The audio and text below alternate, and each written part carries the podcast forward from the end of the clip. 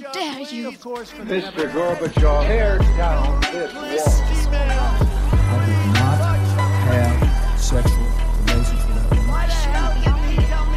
Read my lips. Hell yes, we're gonna take your AR-15. It's your waiting AK-47. I have a dream. Thank you.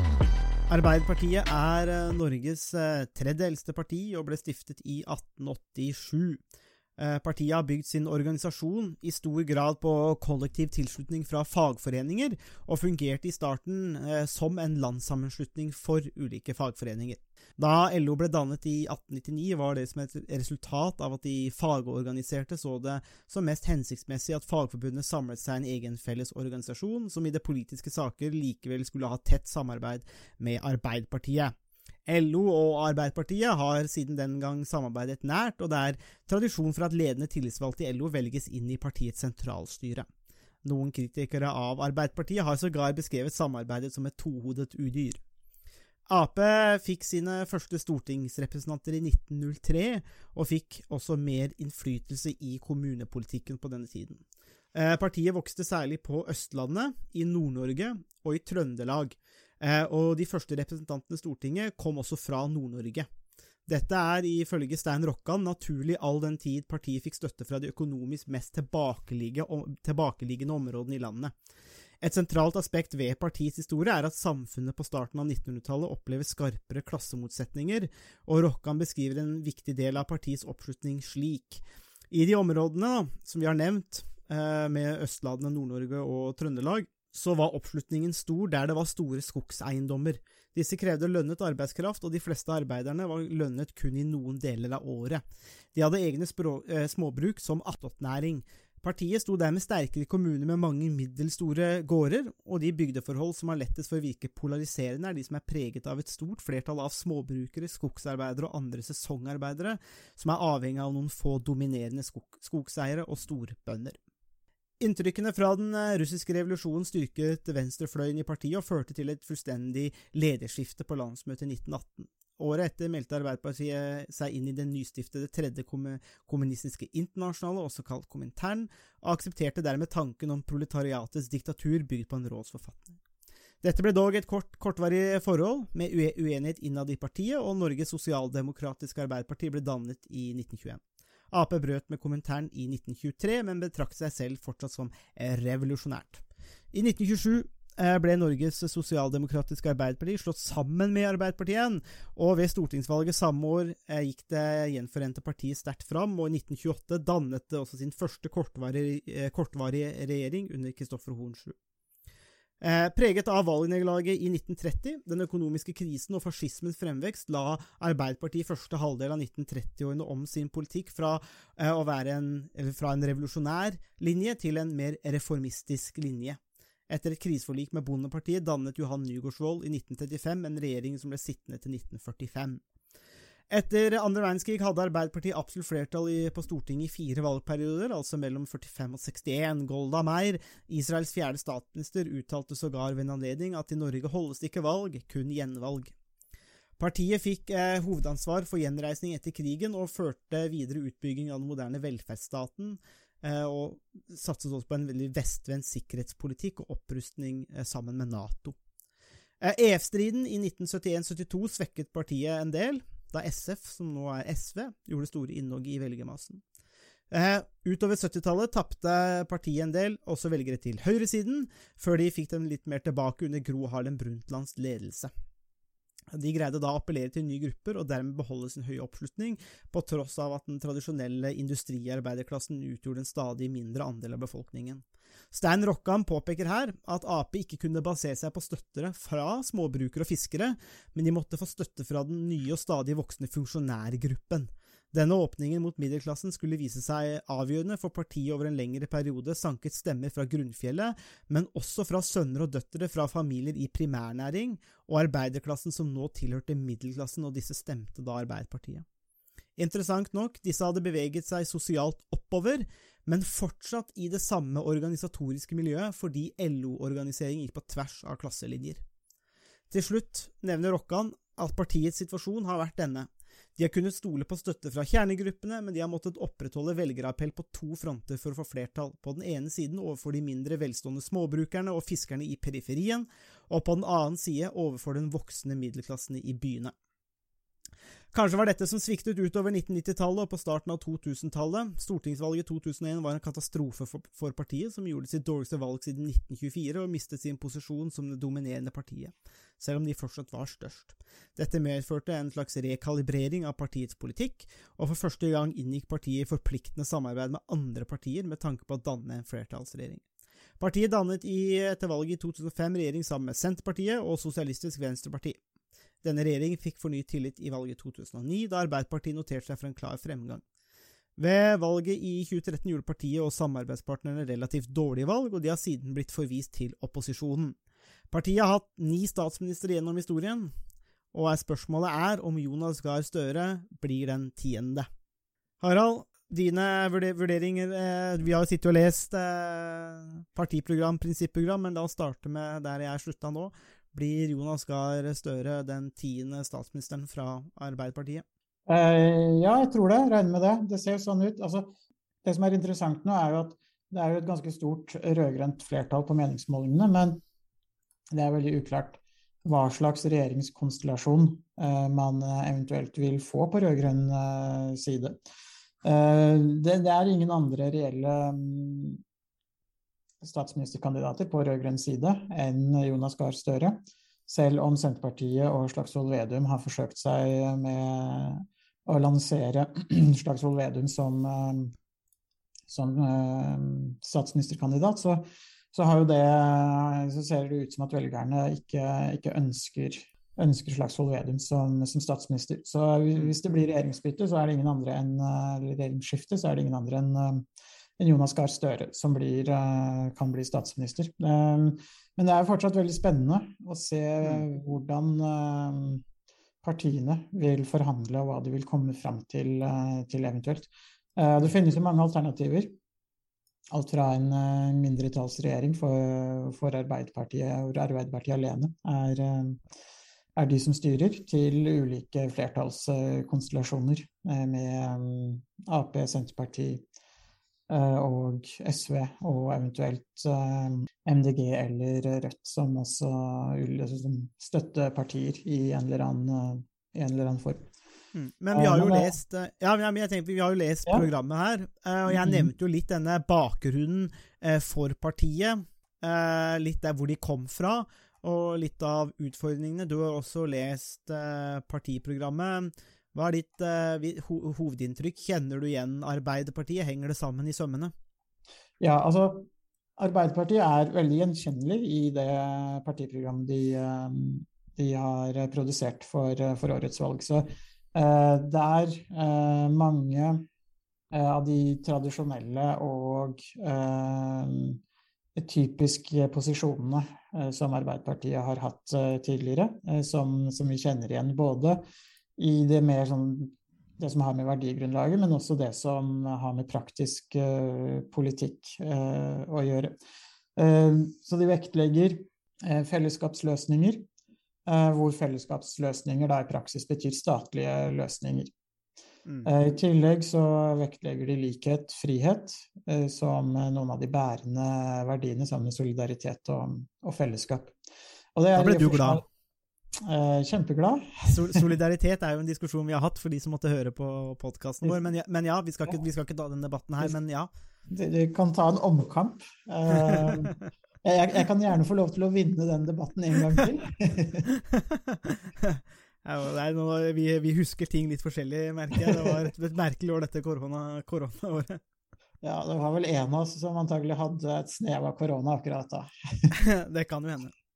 Men, men, i hvert fall um, Så, så det, er, det, er, gjenkjennelig. Men spørsmålet er jo om det er gjenkjennelig på en positiv eller negativ uh, måte. Og der er det også litt, uh, litt blanda, for, si for, å si det mildt.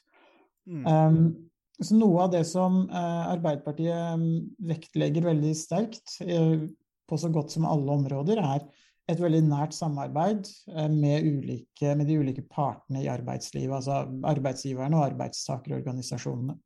Mm. Og det skal være, man, skal, man legger vekt på et trepartssamarbeid, eh, og at eh, ulike organisasjoner skal gis eh, tillit og ansvar til å løse en del um, oppgaver. Og det som, som, jeg tenker kan være problematisk og utfordrende med det, er at man løfter en del problemstillinger og en del politikkutforming ut av Stortinget, ut av de demokratiske organene og ut i organisasjoner som har sine interesser, eh, og som ikke nødvendigvis har et, er, har et ansvar for å ivareta helheten, sånn som stortingspolitikerne eh, er satt til å gjøre. De er satt til å representere velgerne, mens eh, arbeidstakerorganisasjonene og arbeidsgiverorganisasjonene de er eh, betalt for å ivareta arbeidstakerne og, arbeidsgiverne. Og det, det er ikke nødvendigvis måte, samfunnets interesser som, som, helhet som blir ivaretatt i den type, den type, sammenslutninger. Så spørsmålet er jo liksom hvem er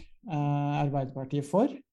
Eh, og hvor demokratisk er uh, egentlig Arbeiderpartiet? Hvor viktig tenker Arbeiderpartiet at demokratiet faktisk er? Og vi finner noen eksempler på det um, som, som, kan stille, som, som, gjør at man kan stille noen kritiske spørsmål til om Arbeiderpartiet altså hvor seriøst de tar uh, demokratiet. De, som, som, du var inne på i innledningen, så er Arbeiderpartiet um, vant til å styre. de er også vant til å bli gjenvalgt som du også var inne på, med sitatet fra Golda Meir. Så de, de, de har en, eh, en, sterk tradisjon for å være et styringsparti. og Da er spørsmålet også hvor, eh, hvor seriøst eh, tar de eh, demokratiet. Eh, hvor viktig er demokratiet, eller, og er det viktigere at Arbeiderpartiet styrer, enn at eh, det er demokratiet som, som styrer? Og Det kan kanskje være en litt sånn ja, krass kritikk av Arbeiderpartiet, men vi kan komme mer tilbake til noen av de eksemplene vi finner på, på den type formuleringer i partiprogrammet også, som, kan, som gjør at man kan, uh, man kan sti, komme med den, uh, den, kritikken om hvem Arbeiderpartiet er for. Er det for staten, eller er det for borgerne? Er det for velgerne, eller hvem, hvem er det er Arbeiderpartiet for, og hvor viktig er egentlig demokratiet? Mm, ja, det her er jo Og det, det, som er litt interessant med akkurat det poenget ditt nå, Harald, er jo at det, det er jo er, her er det jo et litt finere poeng, ikke sant? Nettopp i dette skillet her mellom kanskje demokrati og organisasjoner eh, innad i et demokrati som kanskje ikke så mange tenker over i det daglige. Eh, men dette er jo en klassisk eh, statsvitenskapelig debatt, ikke sant? Altså som går på Eh, ja, altså jeg, jeg, vil bare si En klassisk debatt om hvor går politikkens grenser, eller måtte, hva er demokratiets utstrekning. Eh, vi har vel snakka om det her i noen podkaster før, Harald, men hvis du kan bare liksom eh, utdype bare litt mer nettopp dette. for dette, dette, er et skille jeg tror kanskje mange ikke er så vant til, nettopp. Altså, eh, for at når man, man, tenker jo liksom at ok, men dette er jo et demokratisk parti, man styrer via Stortinget osv., og, så videre, og da er det jo demokratisk, men hvordan kan, hvordan kan på en måte eh, sterkere fagforeninger, eller mer vekt på fagforeninger, eller at mer makt legges til organisasjoner, faktisk være en trussel mot eh, demokratiet? Eller er det mer, og, og, er det da mer et slags statsvitenskapelig, filosofisk, politisk, teoretisk poeng som ingen andre enn vi bryr oss om? Eh, ja, ve veldig eh, godt spørsmål. For altså man kan jo si at det her er bare noe som eh, eh tankeløse statsvitere eh, med altfor altfor god tid til å lese partiprogram eh, er opptatt av. Men samtidig så er det, et, det er også et viktig eh, et viktig praktisk og prinsipielt spørsmål, fordi det handler også om hva slags samfunn, uh, samfunn man ønsker. Og det er ikke det at uh, Arbeiderpartiet er udemokratisk. Det, det, er på en måte ikke poenget, men poenget er mer at uh, hvor, vi, hvor, viktig tenker Arbeiderpartiet at demokratiet er, hvor stor rolle bør demokratiet ha i, i samfunnet. Mm. For, og det er også et prinsipielt poeng i den forstand at Arbeiderpartiet jo, som, som du var inne på i innledningen, eh, de, de, vokser jo ut av eh, industrialiseringen av samfunnet, eh, fremveksten av en arbeiderklasse på, i andre halvdel av 1800-tallet og begynnelsen av 1900-tallet, eh, som blir en, en, stor maktfaktor i, i, politikken i de aller fleste vestlige, vestlige land. Så det handler også om altså, hvilke verdier Arbeiderpartiet tar med seg inn i, uh, i politikken. og um, når de, når de ønsker å fordele makt til eh, trepartssamarbeidet i, i arbeidslivet, f.eks., altså mellom stat, eh, arbeidsgiver- og arbeidstakerorganisasjoner, så, så, tar man også beslutninger utenfor eh, Stortinget. Det, så det handler også om hvilken rolle Stortinget skal, eh, skal ha. Eh, mm. Og det, og det, tenker jeg er et veldig viktig spørsmål. På slutten av 1800-tallet så hadde man jo diskusjon om parlamentarisme i, i Norge. Og det har jo også vært, også vært, et spørsmål vi har vært inne på tidligere. Og, hvor, og, i dag så er parlamentarismen et, et veldig grunnleggende prinsipp i, i, norsk politikk. Uh, men en del men, men, jo flere beslutninger som tas bort, eller tas utenfor Stortinget, så jo også, spiller jo også Stortinget en mindre avgjørende rolle i, i, det norske politiske systemet. Og det utfordrer også hvilken, hvilken rolle Stortinget skal ha. Og det, det, er, det, det, er, ikke nødvendigvis gitt. Det har jo endret seg gjennom de uh, eh, 200 årene man har hatt uh, Grunnloven og et storting mm. i, i Norge. Så det, det vil endre seg over tid. Men det er viktig å stille de spørsmålene om hvilken rolle Stortinget skal ha, om hvem, altså hvor demokratisk skal eh, det politiske systemet være, eh, rett og slett. Så det, så det her er også et, et viktig praktisk uh, spørsmål uh, om hvordan Norge skal, skal, styres. Du hadde vel et eksempel òg fra, fra, et sted i partiprogrammet, hadde du ikke det om, om nettopp om noe arbeid Eller der også, så lenge det på en måte var man, ja, du, du, du, kan jo utdype det, ja. utdype det sjøl? Ja, på, på, side, på, side, 57 eh, i partiprogrammet eh, så skriver Arbeiderpartiet at de ønsker å utrede modeller for å sikre demokratisering av helseforetakene. Eh, og så eh, kommer det et komma, eh, som det ofte gjør når man eh, skal forsøke å kvalifisere og egentlig kanskje trekke tilbake noe av det man har sagt i den første delen av setningen. Så fortsetter det etter komma med å si at uten å utfordre prinsippet om statlig eierskap. Så det man ønsker, er å utrede modeller for å sikre en slags demokratisering. At det skal være mulighet for å, å kunne For at folket, velgerne, skal kunne ha en viss innflytelse på helseforetakene, gir man inntrykk av. Men uten å utfordre prinsippet om statlig eierskap. Og da er spørsmålet hvor stort rom er det egentlig for demokratisering av helseforetakene? Fordi det som har vært store stridsspørsmål både under den rød-grønne regjeringen eh, vi hadde fram til 2013, men også med dagens uh, høyreregjering, uh, eller blå, blå-grønne regjering, eller blå-blå, eller hva man vil kalle, kalle den, alt ettersom hvilke partier som er med, så har jo spørsmål om nedleggelse av eh, sykehus, eh, fødetilbud osv. vært spørsmål som har skapt stor, eh, stort engasjement uh, hos, um, hos, velgerne. Så det man ønsker, er jo å skape et eller annet som kan, hvor det er mulig å hva skal jeg si, si fra Eh, hvor man blir hørt, men hvor politikerne egentlig bare fortsetter som før. Mm. Så vi hører på hva dere har å si, men vi fortsetter som før. Så det er veldig uklart hvor stor innflytelse en såkalt demokratisering eh, vil ha. Så man vil beholde det statlige eierskapet, det er jo i og for seg, er det jo i og for seg bred, ganske bred enighet om i norsk politikk. Eh, men man sier man vil ha en slags demokratisering, men så er det veldig uklart om det er, altså hva rommet for demokratisering innebærer. Eh, og hvis det innebærer bare at man eh, kan eh, ha innflytelse på hva slags eh, planter eh, sykehusene skal ha i resepsjon, så blir det selvfølgelig meningsløst. Hvis det bare blir den type helt trivielle ting. Så hvis man ikke kan ha innflytelse over eh, fødetilbud, eh, hvor sykehus skal legges, eh, nedlegges, bygges osv., så, videre, så er det uklart om eh, Arbeiderpartiet faktisk er eh, seriøse og mener det alvorlig når de eh, snakker om å demokratisere helseforetakene.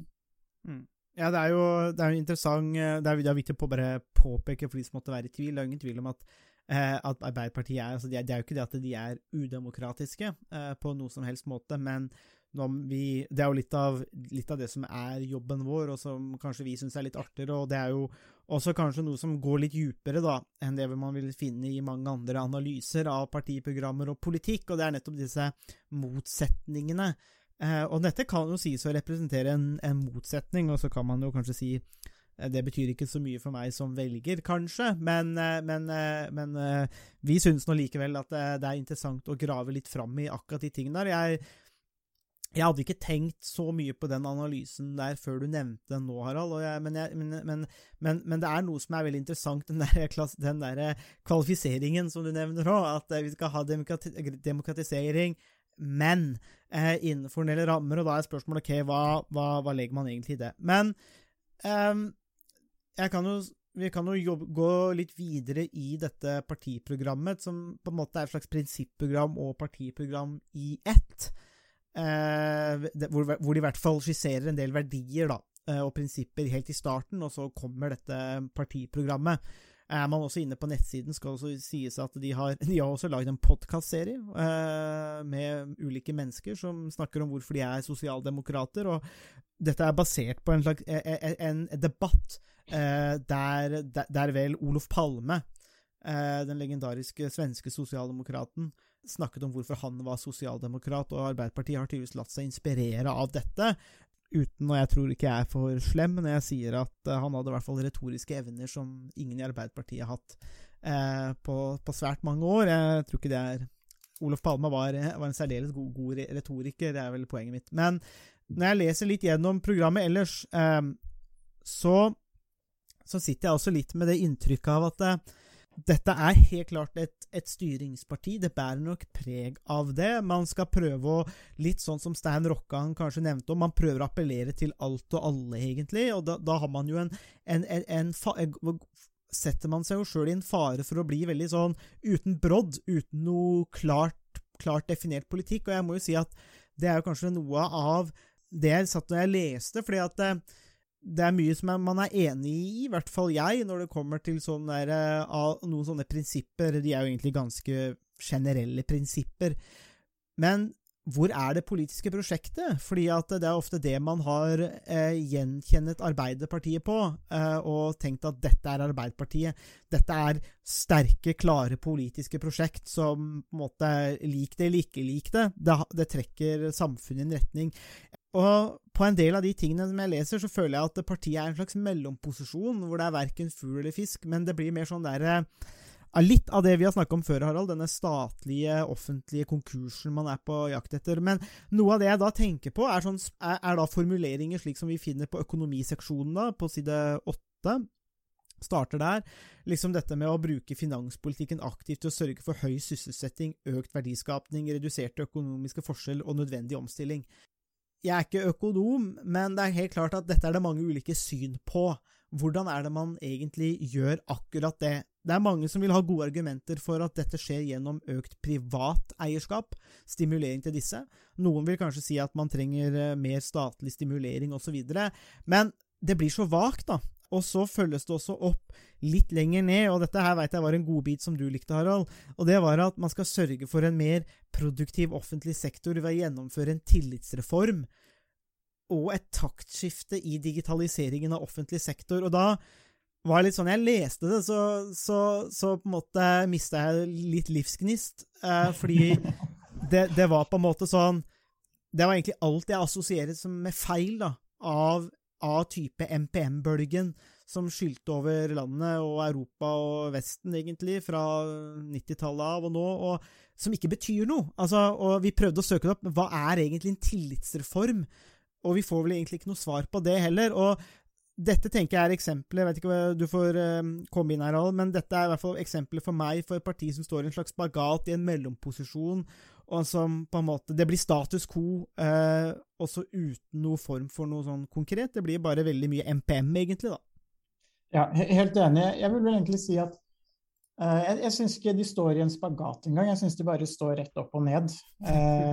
for, for, det er ikke Altså, det, det spriker ikke engang. Uh, Eh, fordi det du, du, vet, det, altså det ikke, altså du, vet, ikke, om det er eh, altså hva som menes med det i det hele tatt. Og det, det, ene sitatet du, um, du, nevnte om den økonomiske politikken altså Det er ingen som egentlig er uenig i nødvendige omstillinger og um, stabilitet og um, osv. Det, det, det er egentlig alle enige om. Uh, men som du var inne på, det er der uenigheten ligger, er jo nettopp i om det er Eh, privat initiativ eller statlig initiativ. Eh, og Arbeiderpartiet sier jo egentlig ingenting om hvordan de skal, altså hva det innebærer for Arbeiderpartiet sin del. Eh, og det jeg vil vite som velger, er jo er det, hvordan er det Arbeiderpartiet har tenkt å skape stabilitet, forutsigbarhet, og hvordan de vil omstille økonomien og det norske samfunnet. Og der sier de veldig lite konkret. Og det vi får, Eh, akkurat som vi fikk eh, i eh, partiprogrammet til Høyre, så får vi akkurat det samme her hos Arbeiderpartiet. Det er floskler, innholdsløse formuleringer og setninger som er meningsløse. Og eh, til å være Norges største parti, og også det partiet som har styrt i ja, det meste, eller den største, eller det partiet som har styrt lengst eh, etter andre verdenskrig og frem til nå, så kan man egentlig forvente mer. Altså man må forvente at et parti som, som ser på seg selv eh, som ørnen blant eh, partiene, som historikeren Jens Arp Seip eh, sa en gang for lenge siden, så, så kan man forvente mer, altså. Eh, hvis man ikke kan forvente mer fra det som ønsker å være det største og ledende partiet, så er det ikke sikkert de Eh, de nødvendigvis heller fortjener å være eh, det største partiet eller. Og i, i partiprogrammet så er det fullt av den type uforpliktende, innholdsløse uh, floskelformuleringer om alt fra at man skal utforme grønne og trivelige gater. Uh, hva det måtte være, vet ikke jeg. Nei, det er, det er, nok sånn ondt eller liten, men eller sånn paradegate i, i, Berlin, men overalt, da. Ja, i, i Sponvika Mer boulevarder, tenker jeg. I Sponvika også? Ja, ja. ja. Mye Halden, egentlig. Han må ha mer, ja. mer boulevarder og Nesbyen nå. Uh, og så skal man um, satse på nye grønne verdikjeder gjennom sektoroverskridende satsinger. Uh, man skal um, også, skal vi se, ha, satse på såkalte gryteklare prosjekter.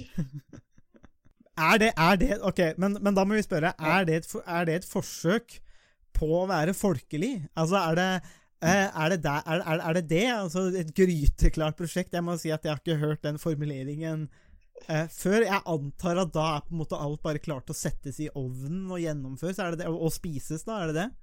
Ja, eh, det er tydelig politikk som skal spises. Men altså, altså, det er jo et, et engelsk uttrykk. Uh, oven ready projects, eller oven ready policies. Uh, interessant nok så er det Boris Johnson som har brukt uh, det uttrykket mest i Storbritannia. Uh, så, så, det er jo ganske Jeg vil jo si at det um, Den kjente sosialdemokraten? det, er, det er ganske dårlig inspirasjon for et sosialdemokratisk parti hvis man, hvis man henter floskler fra en av de største sjarlatanene i europeisk ja. politikk i dag. Så, um, så, så, det er veldig mange formuleringer eh, som eh, som er uforpliktende, lite konkrete, og som som ikke sier noe til velgerne om hva, hva slags politikk de får hvis de, ønsker, hvis de stemmer på Arbeiderpartiet. Mm.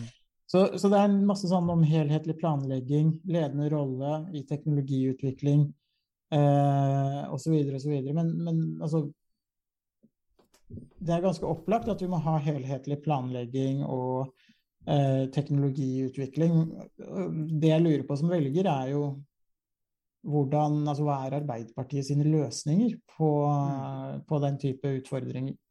Mm. Og det, det som jeg oppfatter som et problem eh, Her er jo Arbeiderpartiet og Høyre ganske, ganske skuffende, begge to. Ganske like. De er uforpliktende, floskel- eh, og klisjéprega eh, når det kommer til, til hva, hva som, eh, som, kreves. Og det er, de bruker begrep som er vanskelig å definere, sånn som at man skal ha trivelige gater osv. Altså, det som er trivelig for meg, er ikke sikkert det er trivelig for altså, som, altså, det samme som andre, eller noen andre tenker er trivelig. Så, så det, det, blir et eh, Det blir uh, det, jeg, jeg, blir uh, Jeg ble litt irritert uh, da jeg leste gjennom programmet, på samme måte som jeg også ble fra Høyre. Og her er vi snakka jo så vidt om det før vi, før vi begynte i dag, at Venstre og KrF nok var mer konkrete på, på hva KrF og Venstre sin politikk ville bety. Mens mm. Arbeiderpartiet og, og, Høyre egentlig Det virker som de forsøker å forvirre velgerne mer enn å opplyse, opplyse velgerne. Og fra de to største partiene så bør man kunne forvente mer enn det vi, enn det vi får. Mm, ja, og så det det er, nettopp det, og i hvert fall at man, man har noen altså klare, klare prosjekter for, for, hvor man vil. For det at altså dagens regjering, eller denne Solberg-regjeringa, har jo gjennomført noen reformer som ja, noen av de har vært veldig håpløse. Jeg tenker da særlig på, særlig på regionreformen. Eh, hvor man liksom Men, men likevel, regionreformen springer jo ut av et reelt behov for å omorganisere annerledes. Altså, det er jo alle enige om at vi er, vi er, nødt til å gjøre noe, og ja, det er offentlig sektor, men vi må gjøre noe med offentlig sektor eh, som gjør at den fungerer bedre, fordi at vi har demografiske endringer, vi får klimaendringer, ikke sant, som setter helt andre krav til hvor er det vi investerer i infrastruktur og tiltak. Så det gir mening at man må gjøre noe med omorganiseringen. og det har jo jeg sagt mange ganger, at for, kom, for meg som kommer fra Buskerud, så hver gang jeg har kommet til Østfold, så har det alltid slått meg som rart hvorfor ikke Østfold henger sammen mer sammen med den delen av Akershus og inn mot Oslo, fordi at alt smelter sammen.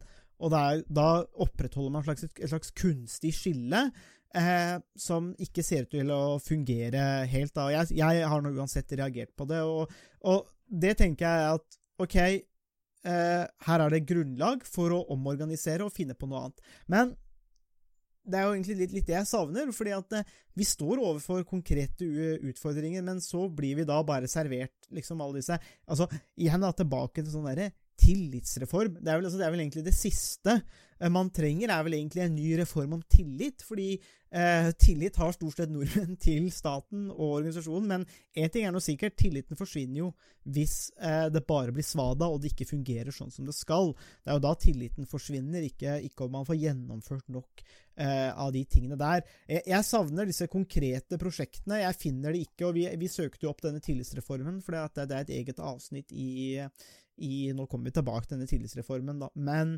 det er, eh, det er noe så at det sto ikke hva den egentlig innebar, eller hva den skal være godt for. Eh, den skal bare være en av de viktigste reformene for en Ap-ledet regjering, eh, og det var det. Ehm, så jeg veit ikke helt hva den skal være god for, og hva den skal gjøre.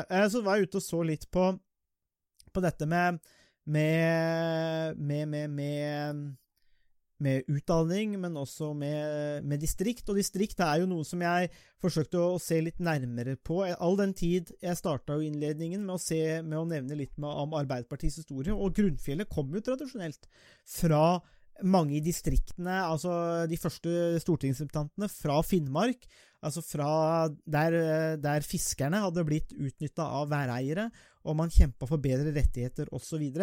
Eh, småbrukerne har alltid vært viktig for Arbeiderpartiet, altså denne dynamikken der. Eh, altså distriktene, og så har man helt, helt klart hatt en industriklasse, eller arbeiderklassen her, da, men distriktet har vært veldig viktig. Da spørsmålet, og jeg har vel kanskje også følt på det, som både statsviter, men også noen som har bodd i distriktet, at eh, jeg har vel egentlig ikke kjent igjen så mye. Altså, jeg har ikke sett til Arbeiderpartiet tenkt ah, der er det noen som tar eh, Eller sier noe annerledes da, enn regjeringa for hvordan livet skal Eller hvordan man skal utvikle distriktene. Og jeg finner ikke så mye av det egentlig i partiprogrammet heller. Jeg syns faktisk oppriktig at det er litt stusslig at eh, det er nesten bare en halvannen side som eh, blir, eh, blir via distriktspolitikken. All den tid man også vet at distriktene blir en veldig viktig sak i valgkampen. Sentrum-periferi er kanskje viktigere enn på lenge. Jeg syns det er rart ikke det er prioritert bedre. Og så kommer det igjen da, mye av dette som vi har sett før, at vi skal ha mer eh, eh, kompetansemiljøer som det her er jo bare litt sært, men jeg syns det er litt artig at de sier at de skal bygge sterke kompetansemiljøer, men ikke klarer å skrive kompetansemiljøer korrekt, men at det er skrivefeil. Um, så spørs om det har gått litt på kompetansen løs da, eh, i Arbeiderpartiet når de skrev dette programmet, men det er jo en vi, vi stiller jo spørsmålstegn ved kompetansen til Arbeiderpartiet. Ja, vi, vi gjør det. Eh, men så er det sånn igjen da, dette med, med, med hva, er gjøre, hva, hva, er det vi skal gjøre, eh, Et tiltak som har fått en del kritikk eller oppmerksomhet, er dette med å etablere flere lokale nærtjenestesentre, altså politiet, der man får ordnet med pass, førerkort og sivile oppgaver. og Da er det jo mange i distriktene som sier ja, vi hadde jo det med, med politikontor. Eh, eller lensmannskontor, som Arbeiderpartiet, og i en nærpolitireform som de langt på vei støttet. Eh, de kunne jo sagt nei hvis de ville at disse tjenestene skulle være nær folk. Eh, men så kommer man da i etterkant og skal forsøke å på en måte lappe på dette systemet, da. Eh, og så var det også en konsekvensanalyse, vel, som du satte veldig pris på, Harald. Det ja, det stemmer. Um, av alle reformer. Ja, altså um, Arbeiderpartiet foreslår å uh, gjennomføre distriktspolitiske konsekvensanalyser av alle nye reformer som skal foreslås eller innføres. Eh, så det er, det er en oppskrift på eh, økt byråkratisering, eh, og hvor man utreder og utreder uten nødvendigvis å ta beslutninger. Og det er jo litt det som du også var inne på, hvordan man, man hele tiden skal ha Hvor man hele tiden skal ha, bygge kompetanse eh, og gjennomføre reformer, ha tillit osv. Men uten at det, det, egentlig kommer noe konkret ut av hvilke problemer man skal uh, løse. Uh, og, og, det som jeg syns er interessant med det forslaget om en såkalt uh, distriktspolitisk konsekvensanalyse av alle nye reformer, er altså ville helseforetaksloven og de nye altså sykehusene, eller Nav-reformen, Eh, blitt eh, gjennomført hvis det var et krav om den type eh, distriktspolitiske konsekvensanalyser. Og så kan man si at ja, det var nødvendig å gjøre det, uavhengig av hva slags konsekvenser det har for distriktene. Og da er man jo like langt, fordi da har man jo egentlig bare gjennomført en analyse, og så velger man å ikke legge vekt på det. Uh, og da er man jo også tilbake til det som eh, vi diskuterte innledningsvis, altså hvor alvorlig tar man demokratiet og uh, de innsigelsene som, som, kommer, og det vanlige folk, folk mener. Så, så her syns jeg Arbeiderpartiet kommer med forslag som er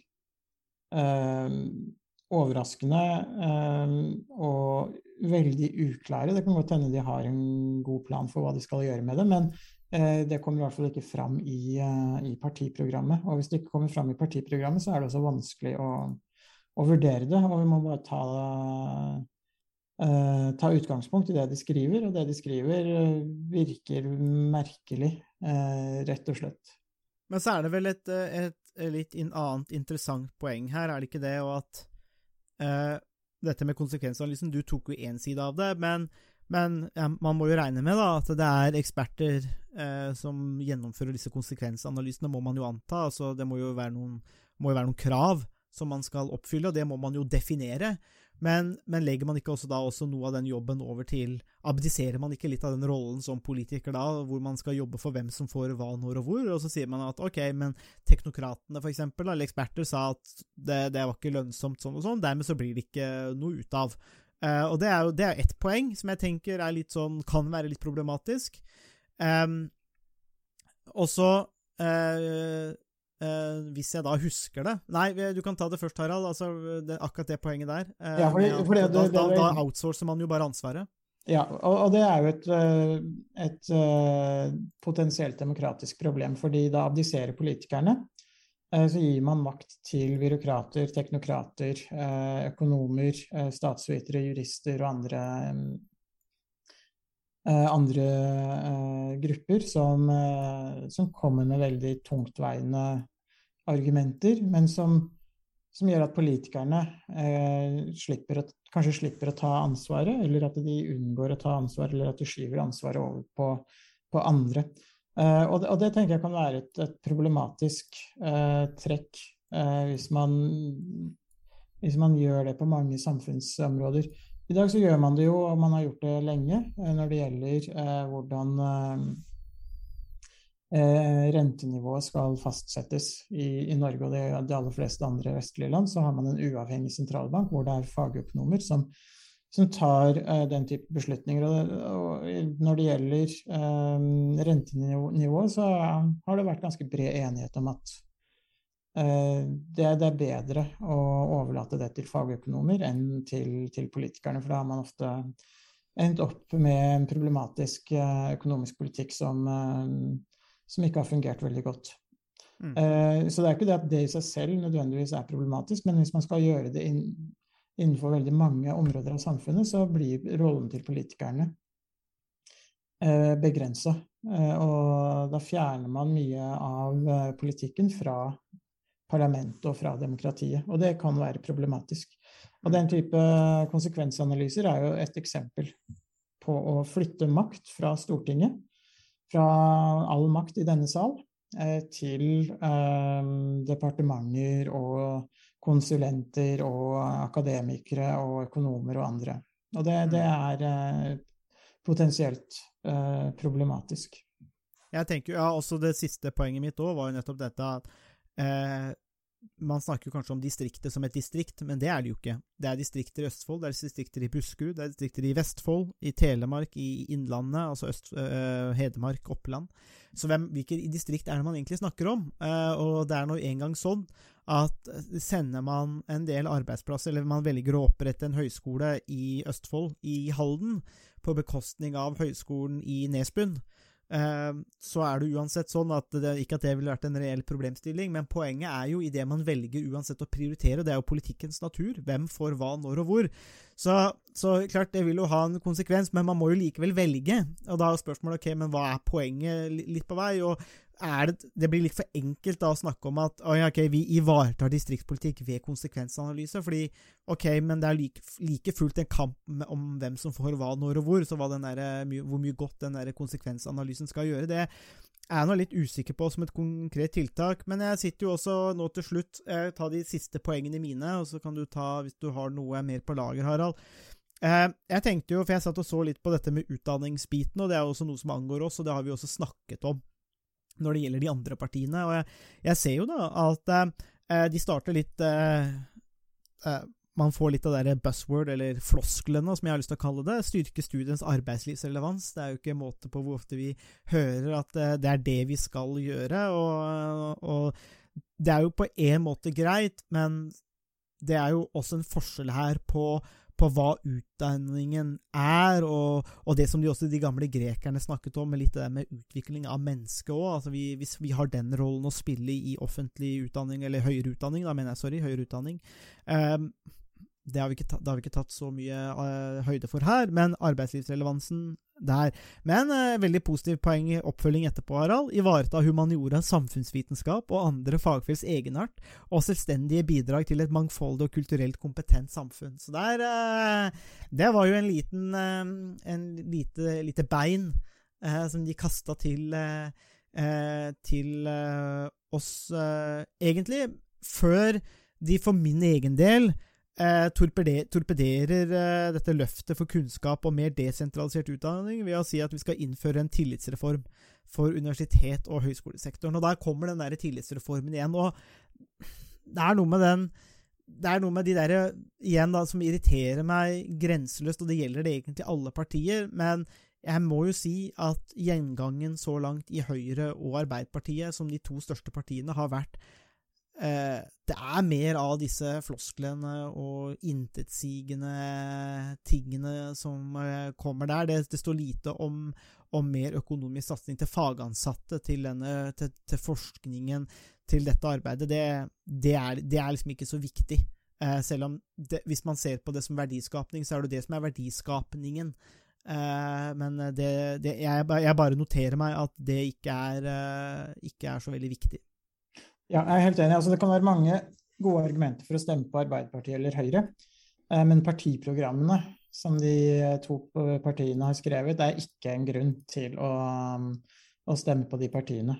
og det en, den gjennomgangen vi har gjort så langt av partiprogrammene, så, så peker Arbeiderpartiet og Høyre seg ut. Det, det er, eh, som du har vært inne på, eh, som vi har diskutert i, eh, i detaljene, så altså, hva tillitsreformen egentlig innebærer, og alle de andre flosklene og tomme formuleringene, er med på å, å svekke inntrykket av at dette er et parti som som, er, som har et prosjekt, og som har noe de, de vil gjennomføre.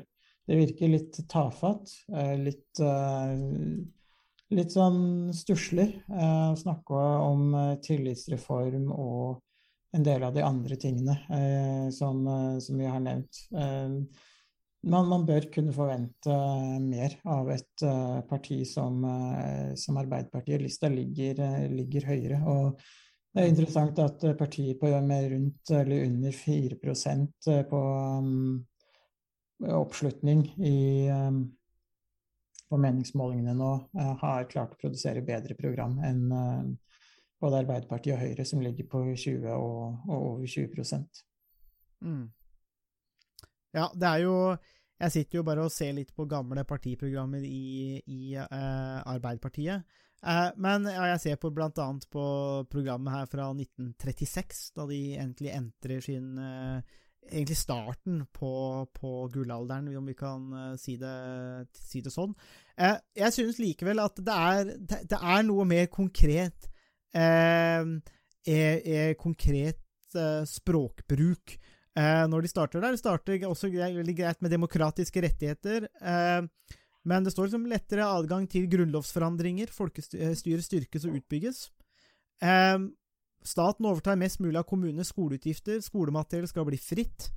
Eh, det er veldig, veldig eh, smack, smack, konkret eh, politikk. Eh, jeg liker jo for så vidt det her. Skattebyrden fordeles etter den økonomiske bæreevnen, og skattene gjøres mer progressive. Forhøyet arvebeskatning. Det er i hvert fall eh, Det er jo Eh, likevel tror jeg er mer konkret på en måte. Det er litt mer sånn smack, smack, smack. Og det var jo også noe vi likte litt mer med, med, med KrF. At mm. som partiprogram så var det bedre skrevet, eller det var egentlig ganske godt skrevet eh, eh, partiprogram. Så om man bare leser partiprogrammet og ikke noe mer, så kunne man jo få et, et mye bedre inntrykk, da. Eh, og så er det kanskje noe av det der som akkurat du var inne på, Harald er jo at når det kommer til Arbeiderpartiet, men også Høyre, men vi snakker jo om Arbeiderpartiet i denne episoden, så er det vel kanskje det at lista også er egentlig bare lagt høyere, så man forventer mer, og det er mange gode grunner til å stemme Arbeiderpartiet og Høyre og Venstre og andre, men, men, men vi tar Arbeiderpartiet nå. Det kan være mange gode grunner til det. Men, men som du sier, eh, partiprogrammet er ikke noe, det er ikke noe fest. Det er ikke noe, det er ikke noe Jeg forbinder vel noen ganger kanskje arbeiderbevegelsen og Arbeiderpartiet med gode slagord konkret språkbruk og litt sånn der, litt, kanskje litt flammende retorikk, men altså noe som er litt sånn engasjerende, da. Eh, og man kan jo sitte og lure på om, om, man rett og slett har blitt veldig fornøyd med å styre og vært i, være den posisjonen, og at eh, kanskje man har glemt politiske prosjekter, kanskje man ikke har behov for politiske prosjekter. Jeg, jeg sitter nå i hvert fall og tenker at de er litt, litt, litt like som Høyre. Eh, på litt eh, ganske nærme hverandre på en del ting, og at de liker de samme flosklene og kanskje er litt redde. Kanskje er det. Kanskje de er redde for å stå litt ut, kanskje de er redde for å spisse profilen sin eh, for å komme politikken, og så tyr man til vage, vage floskler og vage artikuleringer, formuleringer, og så håper man at eh, kanskje mange stemmer fordi de alltid har stemt Arbeiderpartiet, så da gjør de nok det denne gangen òg. Ja, jeg er enig i det. Eh, det er, eh, Høyre og Arbeiderpartiet er ganske like. og jeg tror de kunne tjent på å gjøre som KrF ved å være tydelige på hva, hva, politikk, hva slags politikk de ønsker å, å, føre. De kunne spisse partiprogrammet eh, mye mer. Eh, og eh, det ville gjort at de kanskje ville støte noen velgere fra seg. Men samtidig så ville de kanskje fått ville det kanskje vært lettere å, beholdt en del velgere også. Um, noen velgere vil kanskje bli usikre på om de vil ta sjansen på å stemme på Arbeiderpartiet når de har et uh, såpass uklart partiprogram. For de vet ikke helt hva de får. Som, velger, vil vi, som velgere vil vi vite hva vi får hvis vi gir stemmen vår til, til, et parti. Og det, det, det, får vi i mindre grad ved det partiprogrammet som, eh, som Arbeiderpartiet har skrevet. Eh, og er, I tillegg så er det også veldig detaljert, veldig omfattende. Eh, og det er også tydelig at Arbeiderpartiet kanskje vil veldig mye etter åtte år i opposisjon.